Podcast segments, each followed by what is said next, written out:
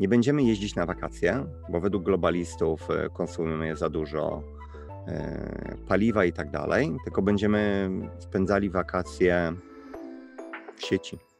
Czyli założymy sobie okulary virtual reality i będziemy po prostu wiem, odbywać wycieczki do, do dżungli w Amazonii, piramidy. To, czego boi się władza, to jest bunt, przebudzenie. A najłatwiej jest przebudzić ludzi, jak oni po prostu zaczynają marznąć, bo, bo nie wystarcza energii na, na ogrzanie domów. Pismo specyficzny elektorat. Na tyle specyficzny, że spora część wyborców wierzy, że jest dwóch winnych e, inflacji: Tusk e, i Putin. O ile rozumiem, że część może wierzyć, że, że wojna to jest, to jest efekt wysokich cen zbóż oraz energii, bo na pewno mają one wpływ, że już dawno ta recesja jest i w Stanach Zjednoczonych, i w strefie euro, i między innymi w Polsce. Jak masz recesję, to ludzie mają coraz mniej pieniędzy. I zobacz, co się stało w ciągu ostatnich sześciu miesięcy. Bardzo wzrosły rachunki za prąd, za paliwo, za żywność. Jeżeli interesuje Cię biznes, przedsiębiorczość, pieniądze, zasubskrybuj nasz kanał i kliknij dzwoneczek. Partnerami przygód przedsiębiorców są IBCCS Tax, spółki zagraniczne, ochrona majątku, podatki międzynarodowe, SoFinanse, eksperci w dziedzinie finansów, Milky Ice. Tokenizujemy sprzedaż lodów w Dubaju i Abu Dhabi. YouTube dla biznesu. Wejdź na przygody.tv i zobacz, jak wiele mogłaby zyskać Twoja firma dzięki YouTube z naszą pomocą. Linki do partnerów znajdziecie w opisie filmu. Dzień dobry drodzy widzowie, Adrian Gorzycki, Przygody Przedsiębiorców. Witam Was w kolejnym odcinku naszego programu, gdzie tym razem ponownie naszym gościem jest Trader21. Dzień dobry. Dzień dobry, cześć Adrian, witam Was serdecznie. Czarku, nie przedłużamy i od razu lecimy z pierwszym pytaniem. Czytam. Milton Friedman powiedział kiedyś, inflacja jest jak alkoholizm. Gdy zaczniesz pić i drukować dużo pieniędzy, to dobre efekty przyjdą już na początku, a złe dopiero później. Ale gdy przestaniesz pić i drukować pieniądze, to jest na odwrót. Złe efekty przyjdą na początku, a dobre po czasie. Dlatego tak trudno jest przestać. Czy zgadzasz się z tym i czy przewidujesz dalszy wzrost inflacji w Polsce? Wiesz co, jest, jest to bardzo trafne spostrzeżenie, czy tam cytat, dlatego że jeżeli masz normalną sytuację, czyli masz bardzo mądry i powiedziałbym taki patrzący na długoterminowy rozwój rząd, to wydajesz tyle pieniędzy, ile zebrałeś z podatków. Ale możliwość do druku jest bardzo kusząca dla polityków, dlatego że jeżeli uruchomisz dodruk, taki jak na przykład globalnie po 2008 roku bądź w Polsce po 2020, to możesz wydrukować dosłownie walutę, czyli ty emitujesz obligacje, bank centralny drukuje walutę i przekazuje ją do, do budżetu i masz dużo ekstra pieniędzy, które możesz przeznaczyć na przykład na rozwój infrastruktury. Możesz ją przeznaczyć na socjal, możesz przeznaczyć na edukację, opiekę zdrowotną. Czyli wydatki przykładowo infrastrukturalne pozwalają zmniejszyć bezrobocie. Masz poparcie społeczne. E, wydatki na socjal, na opiekę zdrowotną, na edukację poprawiają chwilowo e, sytuację, więc znowu masz rosnące poparcie. Więc może się okazać tak, że masz no, wątpliwych jakościowo rządzących, delikatnie mówiąc, a jednocześnie w efekcie tego, że wydają pieniądze, których nie mają, które pożyczają, utrzymują się u władzy, dlatego że mamy krótkoterminowy dobry efekt tego dodruku i wydawania pieniędzy, których tak naprawdę nie masz, pożyczonych. Mijają dwa lata i pojawia się inflacja. Dlatego, że po prostu w obiegu przy takiej samej ilości towarów, bądź na przykład zmniejszonej w wyniku lockdownów, masz dużo, dużo więcej gotówki. Pojawia się inflacja, zaczynasz z nią jakoś walczyć, podnosisz stopy procentowe, I w tym momencie masz, e, masz tego kaca, jak mówił Milton Friedman, dlatego że ludzie, którzy zaciągali, wydawały im się tanie kredyty, nagle muszą płacić dużo więcej. W wyniku inflacji dewaluowała ci się waluta, więc e, dolar, mm, w którym kupujesz większość surowców, jak na przykład gaz, jak ropę, nagle się staje droższe. I ta inflacja się jeszcze bardziej napędza. Więc tak długo jak, może inaczej, w pierwszej fazie jest dobrze. W drugiej fazie masz, e, masz problemy.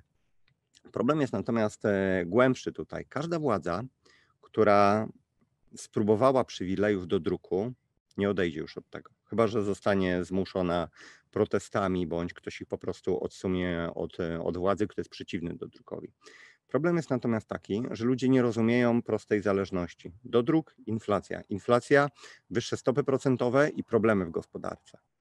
Dlatego też ludzie wolą wybrać e, partię bądź polityków, którzy im więcej dadzą, zamiast prowadzić rozsądną politykę.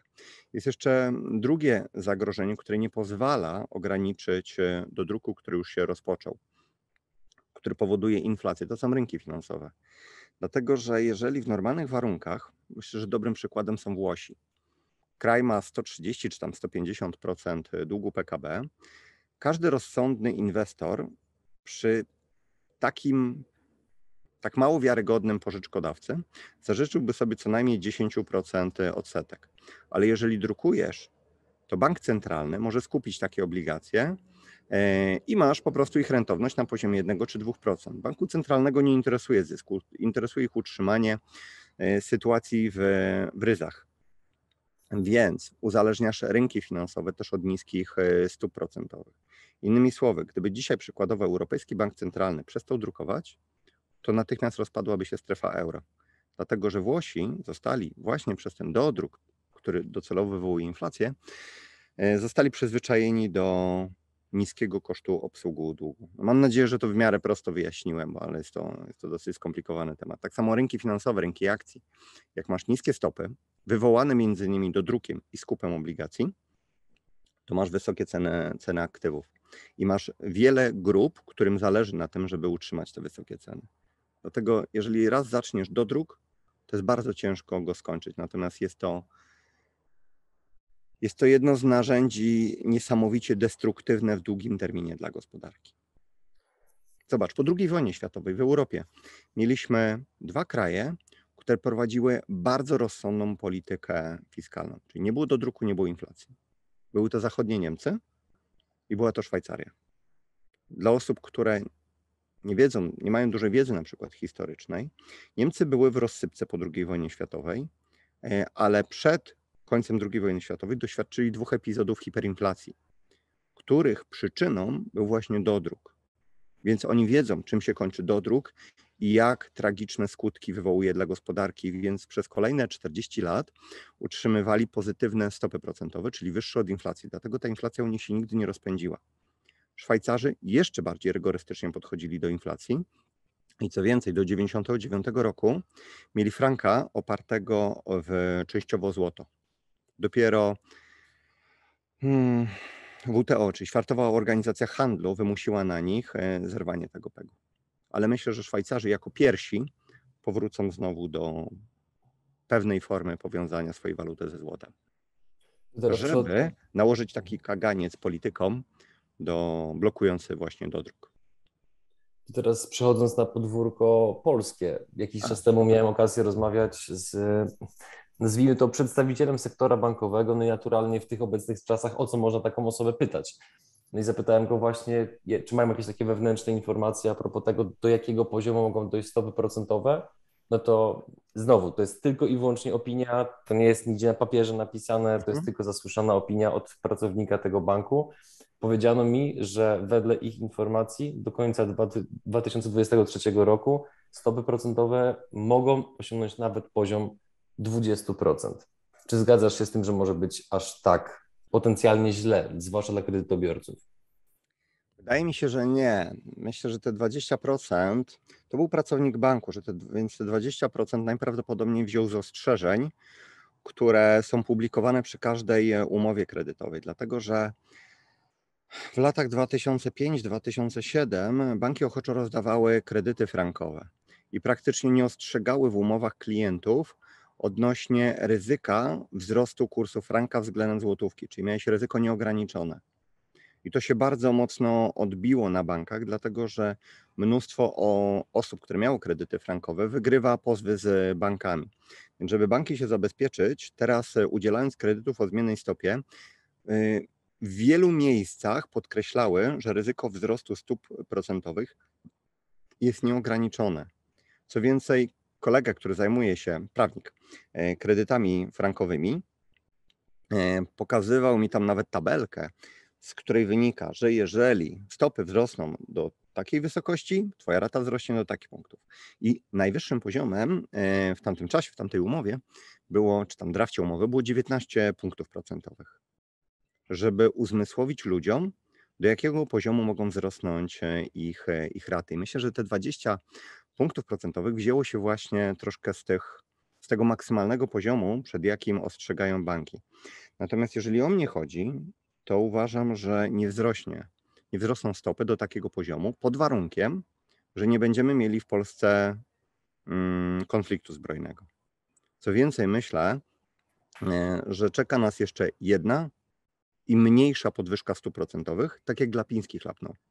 Wtedy, kiedy nie wiedział, że był nagrywany. Tylko w takich momentach politycy czy bankierzy centralni mm, mogą powiedzieć rzeczywiście, co, co myślą. A związane jest to z tym, że od jesieni mamy dosyć szybko słabnącą gospodarkę globalną. E, I to się przełoży na recesję. Moim zdaniem, gdyby w prawidłowy sposób liczyć e, inflację, to okazałoby się, że już dawno ta recesja jest i w Stanach Zjednoczonych, i w strefie euro, i między innymi w Polsce. Jak masz recesję, to ludzie mają coraz mniej pieniędzy. I zobacz, co się stało w ciągu ostatnich sześciu miesięcy. Bardzo wzrosły rachunki za prąd, za paliwo, za żywność.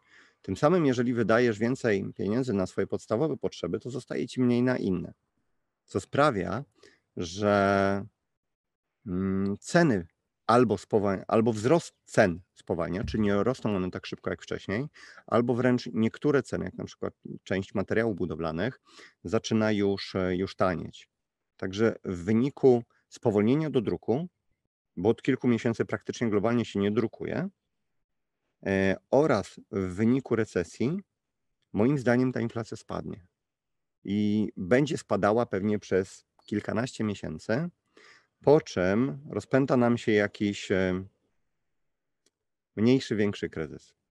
Na rynkach finansowych i trochę też w gospodarce. W gospodarce mniej bardziej na rynkach finansowych co zostanie wykorzystane jako uzasadnienie do wznowienia do druku. Dlatego, że nie ma już globalnie innego wyjścia z obecnej sytuacji, jak powrót do, do, do druku. I jeżeli banki centralne, a NBP też do tego wróci, zaczną ponownie drukować walutę, to to będzie kolejny czynnik, który w, w, perspektywie kolejnego roku, dwóch, trzech, wywoła jeszcze większą inflację niż tą, z którą mamy obecnie do czynienia. Ale jest to jednocześnie, moim zdaniem, szansa dla osób, które brały kredyty o zmiennym oprocentowaniu, szansa dla osób, które chcą wziąć kredyt o stałym oprocentowaniu, które dzisiaj jest jakieś bardzo, bardzo wysokie. Dzisiaj bym w ogóle nie brał kredytu w polskich realiach. Natomiast jeżeli dojdzie do obniżenia stóp procentowych, po to, żeby zwalczyć recesję, po to, żeby podnieść tam rynki finansowe, tak jak po, po panice covidowej, to moim zdaniem będzie to bardzo krótkie okienko, e, w trakcie którego będzie okazja do albo wzięcia kredytu o stałej stopie, jeżeli banki takich kredytów będą udzielać, albo po prostu do prób jakichś, jakichś zamian. Bo myślę, że w wyniku tych nacisków, które idą z KNF-u, a idą z BIS-u na KNF i z KNF-u na, na banki, te kredyty będą, tylko ja nie wiem, ile one będą kosztować, ale moim zdaniem będzie to dużo, dużo lepsze rozwiązanie niż e, trzymanie kredytu o zmiennej stopie, i cieszenie się, że na chwilę nam te stopy spadły, bo późniejszy wzrost będzie dużo, dużo większy niż e, te poziomy, z którymi dzisiaj mamy do czynienia. Być może ten koniec 2023, o czym ty powiedziałeś, to będzie, no, to będzie właśnie, właśnie ten poziom tych, e, tych 20 punktów procentowych, a to już jest dosłownie zarżnięcie e, rynku nieruchomości i prywatnie osób, które mają kredyty. A jeżeli ktoś uważa, że to jest niemożliwe, to może warto odsłuchać jakieś, nie wiem, nasze nagrania sprzed dwóch lat, gdzie, gdzie mówiłem, że stopy wzrosną, e, a ludzie uważali, że nie, nie podniosą, bo, bo ludzie tego nie wytrzymają. A 20 mm, punktów procentowych, stopy, stopy na poziomie 20 punktów procentowych mieliśmy w 2020 i na początku 2000, e, przepraszam, w 2000 roku i na początku 2001. I był to jednocześnie ostatni okres, kiedy mieliśmy w Polsce tanie nieruchomości tanie względem zarobków. Chcesz spotkać się z gośćmi wywiadów na żywo, w realu? To możliwe. Wpadaj na eventy przygód przedsiębiorców. U nas nie ma sztampy i byle jakości. Są za to mega atrakcje, przemyślany networking, ogrom wiedzy i skuteczni przedsiębiorcy. Wejdź na stronę przygody TV slash kalendarium i sprawdź, gdzie wylądujemy następnym razem. Idąc dalej i dotykając tematu, z którego ty i ja, jakby nie patrzeć, korzystamy zawodowo. Jak przewidujesz rozwój technologii, w tym mediów społecznościowych, przez najbliższe 20-30 lat? Wiesz co, 20 czy, czy 30 lat to jest. Ciężko jest powiedzieć, jak będę. Już będziesz dziadkiem wtedy. No mam nadzieję. E, myślę, że nie jestem w stanie Ci odpowiedzieć w tak, w tak długim okresie. Generalnie jest coś takiego, że technologie, które dzisiaj widzimy, które, na które możemy sobie pozwolić, jak nie wiem, dobrze rozwinięty tablet, telefon, to są technologie, które zostały wymyślone 25, 30, 40 lat temu.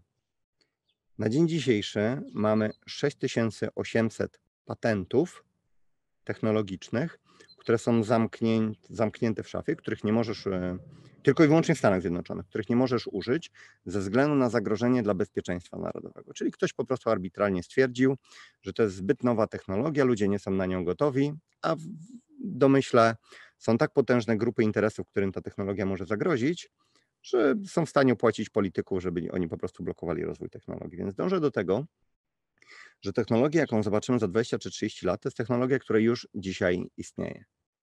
E, I moim zdaniem trend, w którym idziemy, czy to jest social media, czy, czy metaverse, zmierza do zamknięcia nas w domu. Czyli plan globalistów to jest, bazuje na kilku założeniach. Masz żyć w mikro, najlepiej kawalerce, e, najlepiej żyć z gwarantowanego dochodu, dlatego że on pozwoli trzymać dosłownie ciebie za mordę, bo jak wyjdziesz na jakiś protest, to odetniemy cię od konta, zablokujemy ci dostęp do pieniędzy, które dostawałeś i tak dalej. Masz jeść korporacyjne jedzenie, które po prostu sprawi, że będziesz genialnym klientem dla, dla koncernów farmaceutycznych i przede wszystkim, żebyś nie interesował się życiem politycznym, nie wychodził na protesty, masz siedzieć w domu i żyć sobie w sieci. Czyli spędzaj 10-15 godzin w social mediach, w metaverse i konsumuj cyfrowo, nierealnie. Dlatego, że jeżeli konsumujesz realnie, nie wiem, ubrania, ktoś ci je musi uszyć. A zamiast nich możesz spędzać w jeden t-shircie tyle, aż ci się po prostu zepsuje, ale kupować piękne markowe ciuchy dla twojego awatara, którym poruszasz się, nie wiem, w GTA Online, Simsach czy, czy kolejnych grach, które zyskują coraz większą popularność. Żeby pokazać, jak się rozrasta sektor gamingowy, kiedyś mieliśmy filmy, mieliśmy Hollywood i tak dalej. Dzisiaj wpływy z gier są już niemalże dwukrotnie wyższe niż ze sprzedaży filmów, bo to jest coś, co nas wciąga i zostajemy w tym świecie. I ten trend się będzie jeszcze bardziej powiększał. Nie będziemy jeździć na wakacje, bo według globalistów e, konsumujemy za dużo e, paliwa i tak dalej, tylko będziemy spędzali wakacje w sieci.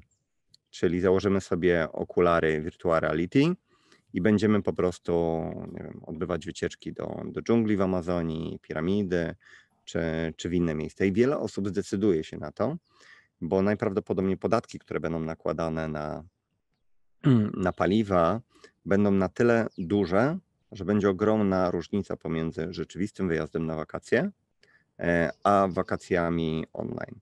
Do tego pewnie dołożymy rozszerzoną rzeczywistość, tak, tak zwane AR,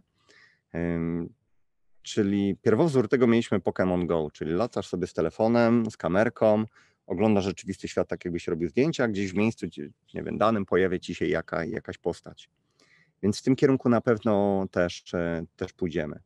Problemem, jaki to spowoduje, będzie na pewno coraz większa alienacja. Już dzisiaj mamy taką sytuację, gdzie no dla mnie to jest chore, ale chodzimy bardzo często do restauracji i co najmniej 15% osób zamiast rozmawiać ze sobą, nie wiem, masz parę na wakacjach, zamiast rozmawiać, cieszyć się fajnym miejscem, to jedno i drugie po prostu gapi się przez pół godziny w telefon i sprawdzają, co tam na Facebooku, Twitterze i gdzieś, gdzieś indziej. Ja też dosyć dużo podróżuję i na lotniskach też szczególnie widoczne, kiedy masz grupę młodych osób, powiedzmy 16-20 i oni się nie bawią, nie rozmawiają ze sobą, tylko każdy po prostu jak, jak taki zombie gapi się w swój e, telefon. I to jest efekt programów czy aplikacji, perfekcyjnie znających naszą psychikę i przejmujących nad nami niestety, ale coraz większą kontrolę. Doprowadzi to na pewno do problemów z komunikacją, do zaniku bądź uszczuplenia naszych właśnie możliwości budowania relacji takich jeden na jeden. Ostatecznie pisaniem czy nagrywaniem wiadomości nie jesteśmy w stanie budować relacji, dlatego że 80% tego, jak my odbieramy drugą osobę, to jest komunikacja niewerbalna. Nasza mimika, nasza mowa ciała, nasza energia, a maksymalnie 20% to są słowa, które, które wypowiadamy. Także już dzisiaj mówi się, że największą chorobą obecnych czasów jest samotność. I, I, uważam, że social media czy przejście do metaversu to, to jeszcze bardziej pogłębią. Każda technologia, która ma być wprowadzana za jakiś czas, jest przedstawiana w różnego rodzaju filmach, żeby nas mentalnie na to przygotować, a wręcz żeby wzbudzić oczekiwania pewne. E, I tu pamiętam, z 15 lat temu oglądałem taki film Surogaci z Bruce'em Willisem. Myślę, że warto go obejrzeć, bo to jest taki wstęp do, do tego, co nas czeka. Tutaj a propos tego, to takie dwie anegdoty powiem. Pierwsza to, to jest taka pół żartem, pół serio. Za każdym razem, jak jestem w towarzystwie, jest trochę obcych ludzi, widzę, że niektórzy czują się niekomfortowo, bo są nowe osoby, nie wiadomo o czym gadać, to już dwa razy mi się zdarzyło, że zadałem bardzo proste pytanie, które powoduje, że otwieramy trochę puszkę Pandory, ale jest przez to wesoło. Pytanie brzmi: Oj. Powiedzcie mi, o jaką najdziwniejszą rzecz kiedykolwiek prosiła Was kobieta albo mężczyzna? W jakim kierunku idą odpowiedzi, nie trudno się domyślić, więc nie musimy tego generalnie rozwijać. E, natomiast wielokrotnie już zauważyłem, że rzucenie takiej, powiedzmy, takiego, takiej mhm. bomby, takiego tematu, na który każdy się może wypowiedzieć, co się opiera o nasze doświadczenia życiowe, a nie naszą wiedzę, tak. powoduje spektakularne efekty. Jeżeli chodzi o takie rozluźnienie towarzystwa i tak dalej, i tak dalej. Mhm. Naprawdę polecam Wam, żebyście to spróbowali zrobić ze swoimi znajomymi, ale jednocześnie zapnijcie pasy, bo historie, które usłyszycie, już się ich nie da odsłyszeć. Naprawdę. Drugiej rzeczy, którą chciałem powiedzieć, nie pamiętam, umknęła mi, może za chwilę do niej wrócimy, więc przejdźmy dalej do, do, do tematów takich powiedzmy e, znowu bardziej gospodarczo-politycznych. Czy kryzys energetyczny zmieni układ sił i czy zmniejszy się rola Berlina?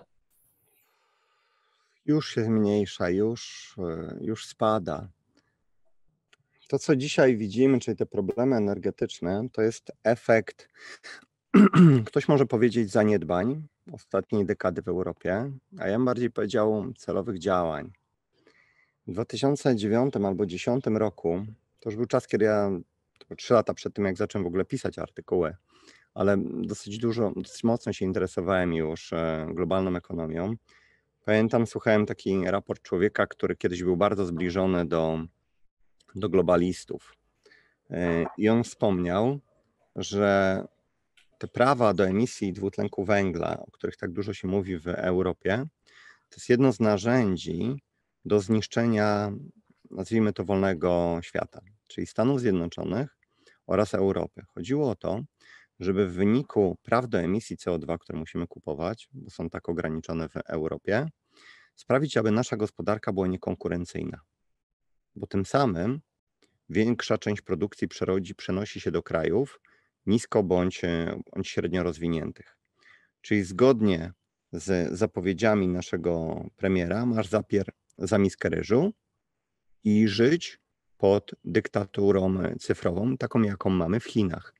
Jak zobaczysz, który kraj się rozwijał najszybciej na przestrzeni ostatniej dekady, to okazuje się, że są Chiny. Chiny są ideałem dla globalistów. I tu musimy od razu taką dygresję zrobić, bo ludzie myślą w takich kategoriach: Rosja, Chiny, Stany Zjednoczone i uważają, że to są bloki, które się wzajemnie zwalczają i tak dalej. Na średnim poziomie oczywiście, natomiast na tym absolutnie najwyższym poziomie oni wszyscy realizują taki ideał globalistów, czyli każdy z nas ma mieć osobisty ranking.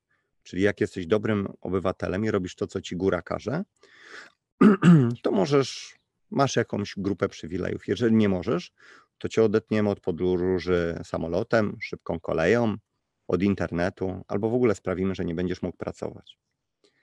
Jeżeli będziesz wyjątkowo niepotulny, to cię odetniemy od gotówki, tak jak, zrobił to, jak zrobiła to dyktatura Trudeau w Kanadzie wśród osób, które poparły protesty. E, musisz mieć jedno konto w banku centralnym, więc trzeba zniszczyć obecny system bankowy, dlatego że dzisiaj ludzie mają pewną alternatywę. Zamknąć ci konto w jednym banku, to otworzysz w drugim, ale jest to coraz trudniejsze. Ja na bazie osoby, doświadczeń osoby, która korzysta z firm w wielu krajach, z kon w wielu krajach, wiem, jak dzisiaj jest trudno otworzyć konto w porównaniu do tego, co było powiedzmy 10 czy, czy 15 lat temu. Więc zmierzamy do niszczenia krajów, w których mieliśmy wysoki poziom życia e, i wspierania krajów, które są po prostu dyktaturą cyfrową, które są, powiedziałbym, takim ideałem czy wzorem do, do naśladowania, naśladowania z punktu widzenia globalistów. Dlatego, że oni chcą po prostu mieć nad nami permanentną kontrolę. I to, co dzisiaj widzimy pod płaszczykiem kryzysu energetycznego, to jest nic innego jak zarżnięcie energetyczne Europy, bo Stany Zjednoczone jakoś protestowały, nie dały sobie tak mocno narzucić tego typu polityki. Natomiast w Unii Europejskiej pod kierownictwem Niemiec poszliśmy no, w kierunku absurdu. Pozbyliśmy się większości kopalni węglowych i przede wszystkim energii, energii opartej na węglu w imię walki z CO2. E, dla porównania, Chiny czerpią na dzień dzisiejszy 60% energii właśnie ze spalania węgla i jakoś nikomu to nie przeszkadza. A Chiny są największym producentem na świecie. Więc u największego, u którego najbardziej powinieneś e, wprowadzać e, ograniczenia, pozwala się nie to na utrzymanie bloków energetycznych bazujących na węglu kamiennym oraz brunatnym, tylko wręcz Chińczycy budują kolejne e, elektrownie i jest ok. W Europie po Fukushimie odeszliśmy od uranu. W sporej części bloków, spora część bloków została po prostu wyłączona, część mieliśmy zlikwidować, natomiast udało się tą chorą politykę zatrzymać. Jednocześnie blokowano rozwój geotermii, e, blokowano rozwój mm, e, elektrowni wodnych. W Europie większość elektrowni powstała 30-40 lat temu. Nowych się praktycznie nie buduje, bo mieliśmy taką chorą politykę, że mamy węgiel, mamy uran i najlepiej wszystko, co się da zastąpić z OZE, które globalnie ma 10% udział, ale ta technologia jeszcze nie pozwala na wystarczające wypełnienie luki po węglu, uranie czy, czy innych. Teraz, kiedy mamy horrendalne ceny e, prądu, część ludzi się buntuje i dochodzi do pewnego rozłamu. Niemcy próbowali wymusić na wszystkich krajach Unii Europejskiej ograniczenie zużycia. E, Hiszpania i inne kraje na szczęście się na to nie zgodziły. I mam wrażenie, że ta chora polityka promowana głównie przez Niemcy, została już dostrzeżona przez inne kraje i rządzący, mimo że oni mają swoich, nazwijmy to, władców marionetek nad sobą, widzą, że jeżeli za bardzo pójdą w kierunku niszczenia energetycznego własnych krajów, to albo stracą władzę, albo ludzie po prostu mm, ich wyniosą. Wyjdą po prostu na ulicę. To, czego boi się władza, to jest bunt, przebudzenie. A najłatwiej jest przebudzić ludzi, jak oni po prostu zaczynają marznąć, bo, bo nie wystarcza energii na, na ogrzanie domów. A propos tego uważasz, że właśnie wysokie ceny rachunków za gaz, za prąd mogą położyć e, PiS? Nie do końca. PiS ma specyficzny elektorat. Na tyle specyficzny, że spora część wyborców wierzy, że jest dwóch winnych e, inflacji: Tusk e, i Putin. O ile rozumiem, że część może e, wierzyć, że, że wojna to jest, to jest efekt wysokich cen zbóż oraz energii, bo na pewno mają one wpływ, ale nie w tak dużym stopniu, jak, jak mieliśmy wzrost, o tyle obwinianie Tuska no to, jest, to, to, jest, to jest trochę chore. Natomiast. To jest klasyka gatunku. To jest klasyka gatunku, dokładnie. Więc za każdym razem, jak masz jakiś problem, to używasz tej samej metodologii. Wskaż wroga, nawet najgłupsze kłamstwo powtórzone tysiąc razy staje się prawdą, jak to mawiał Goebbels. Swoją drogą poziom propagandy, jaki mamy dzisiaj, to jest. Goebbels byłby dumny z obecnych rządzących. Idąc dalej, zahaczyliśmy trochę o surowce, więc kilka pytań propos surowców. Po pierwsze, ile mniej więcej zyskali ludzie dzięki Tobie, którzy się zainteresowali surowcami kilka lat temu? Dwa, jakie obserwujesz trendy dalsze, jeżeli chodzi o surowce? I trzy, może jest, może dostrzegasz, dostrzegacie jako zespół już jakieś inne, jeszcze bardziej atrakcyjne alternatywy, jeżeli chodzi o inwestowanie, niż surowce. Okay. Co ile zyskali? Najlepiej wyszli na tym ci, którzy obkupili się mocno w surowce e, podczas e, paniki covidowej, ale żeby to zrobić, to musiałeś mieć wiedzę, musiałeś mnie czytać, nie wiem, czy to książkę, czy po prostu przerobić kurs i wiedzieć, czemu surowce są niedowartościowane, czemu inwestuję w surowce, jak dużo inwestuję w surowce, czy poprzez ETN, czy poprzez spółki i dlaczego. Tego, że kiedy ja tłukłem ludziom do głowy, to mało kto w ogóle mówi o surowcach. Teraz się pojawiają gdzieś tam jakieś artykuły, surowce, surowce, ale to, to jest ciągle mało. Natomiast prawda jest taka, że indeks CRB, czyli taki indeks reprezentujący szeroką gamę surowców, jest dzisiaj o 50% wyżej niż e, wynosiła średnia z lat powiedzmy 16-20. Spółki surowcowe są 2, 3, niektóre 5 razy wyżej niż, e, niż w tamtym czasie. I to dotyczy niemalże wszystkich surowców. Nawet sam indeks CRB e, wzrósł trzykrotnie od, od paniki covidowej. Także nawet w tym roku akcje są w plecy. W Polsce dużo, w Stanach trochę mniej. Globalny indeks akcji jest sporo w plecy. Złoto w ujęciu dolarowym jest niżej niż było w zeszłym roku. W złotówkowym jest, jest podobnie. A jedyną grupą tak naprawdę, która jest ostro do przodu, to są, to są spółki surowcowe. Które reagują dużo, dużo mocniej niż sam indeks surowców. Także nie wiem, ile ktoś jest do, do przodu. Ja jestem zadowolony z, ogólnie z moich inwestycji w surowce, aczkolwiek tu nie ma co ukrywać, że ten rok jest, jest ciężki. Ja na razie ten rok mam pod kreską ale po tak dobrych dwóch latach jak 2020 i 2021, no, musiało przyjść jakieś odreagowanie. Siedzę w sporej części na gotówce i czekam na, na większą panikę, żeby po prostu dokupić surowców. Natomiast tak patrząc historycznie, surowce są nadal dużo, dużo poniżej 2011 roku, czyli momentu, kiedy mieliśmy ostatni raz relatywnie drogie surowce zdecydowanie niżej niż byliśmy w ósmym roku, kiedy mieliśmy ostatnią bańkę na surowcach, a nie możemy zapominać, że to było 14 lat temu, w trakcie którego inflacja też zrobiła swoje, więc dzisiejszy, nie wiem, indeks dolarowy tam wynoszący 300 w odniesieniu do tego, co było w 2008 roku, to jest nieporozumienie. Moim zdaniem przed nami może powiem dekada, może to być przesada, ale uważam, że kolejne kilka lat e, mamy gwarantowane dwie rzeczy dużo wyższe ceny surowców niż dzisiaj oraz gwarantowane straty na obligacjach. Ja tak jak kiedyś mm, mówiłem dużo o surowcach, tak samo wielokrotnie podkreślałem, że aktywem, które nam zagwarantuje straty w kolejnych e, latach, to będą obligacje. To się realizuje, dlatego że oprocentowanie obligacji jest nieporównywalnie niższe niż, e, niż realna inflacja. Więc tu ci, którzy trzymają kasę w obligacjach, nieustannie tracą. Ja teraz mam dosyć dużo pieniędzy w obligacjach amerykańskich długoterminowych, ale jest to zagranie stricte spekulacyjne pod panikę rynkową, do której na razie nie doszło, ale do niej dojdzie. Także surowce są ogólnie tanie względem akcji.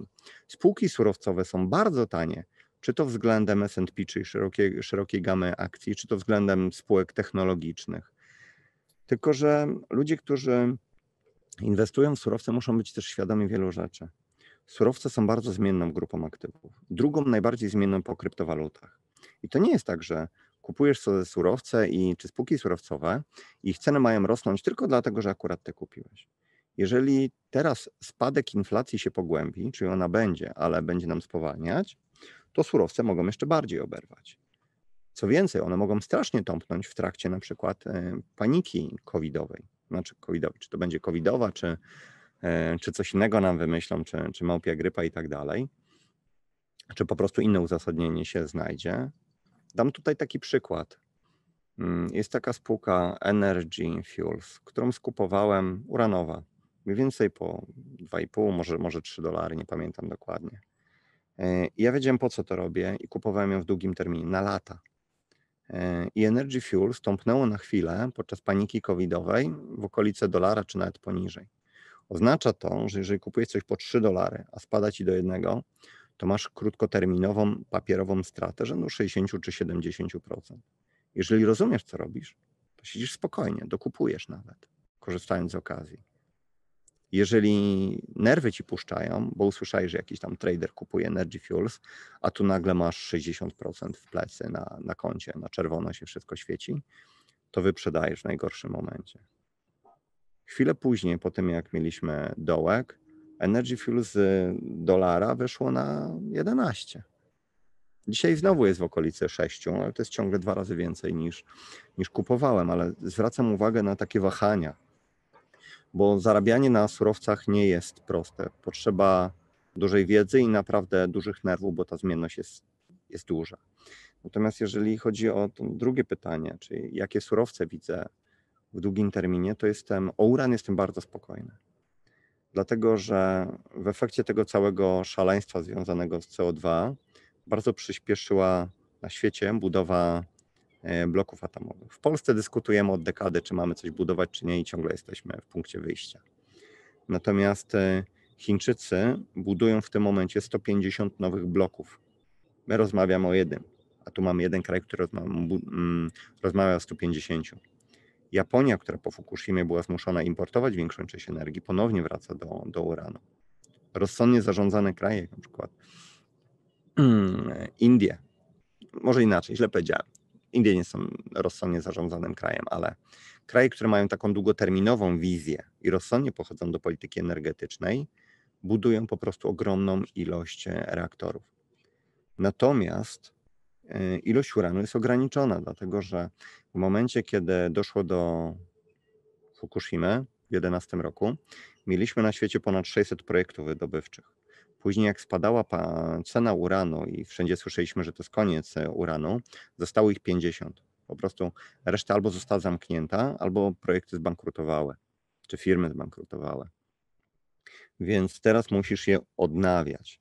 Co więcej, uran ma zerową elastyczność cenową, dlatego że przy obecnych cenach uranu koszt produkcji energii e, jest mniej więcej 30 razy większy niż koszt pozyskania uranu, więc powiedzmy surowiec ma 3% udział w koszcie produkcji energii. Największym kosztem jest oczywiście budowa e, elektrowni atomowej, ale jeżeli już ją zbudujesz, to jest bez znaczenia, czy kupujesz uran po 40 dolarów za funt, czy po 400. Musisz go po prostu mieć, bo nie ma alternatywy. Dlatego uran jestem bardzo spokojny. Jestem też spokojny o metale ziem rzadkich, które w pierwszej dekadzie bieżącego wieku zostały zdominowane przez Chiny, ale teraz coraz więcej krajów próbuje się uniezależnić, uruchamia kolejne projekty. I tutaj nie chodzi tylko o pozyskiwanie metali ziem rzadkich, ale ich przede wszystkim produkcję, bo ciężko jest je pozyskać.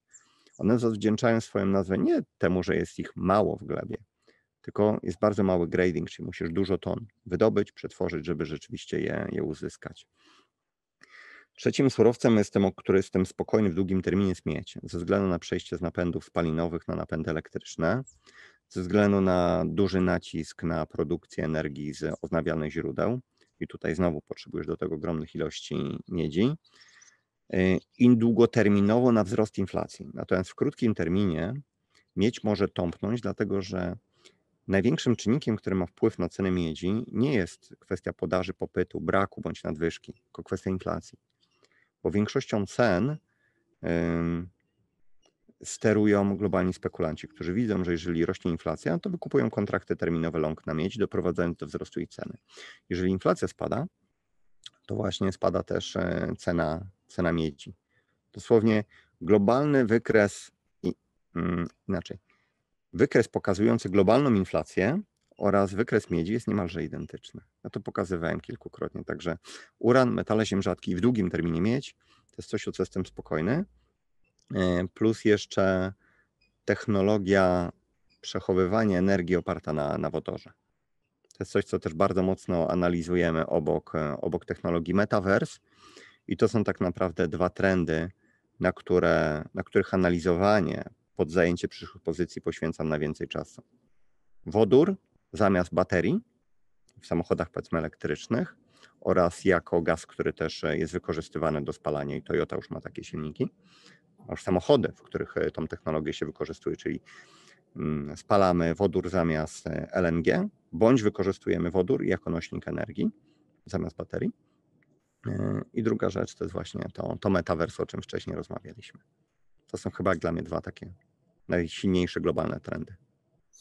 Tu bym postawił przecinek w naszej rozmowie i ten odcinek zamknął i za chwilę rozpoczął odcinek numer dwa, który będzie poświęcony bardziej tematom zdrowia, na który drodzy widzowie i słuchacze serdecznie już teraz Was zapraszamy, a tymczasem żegnamy się i do zobaczenia niedługo. Dzięki wielkie.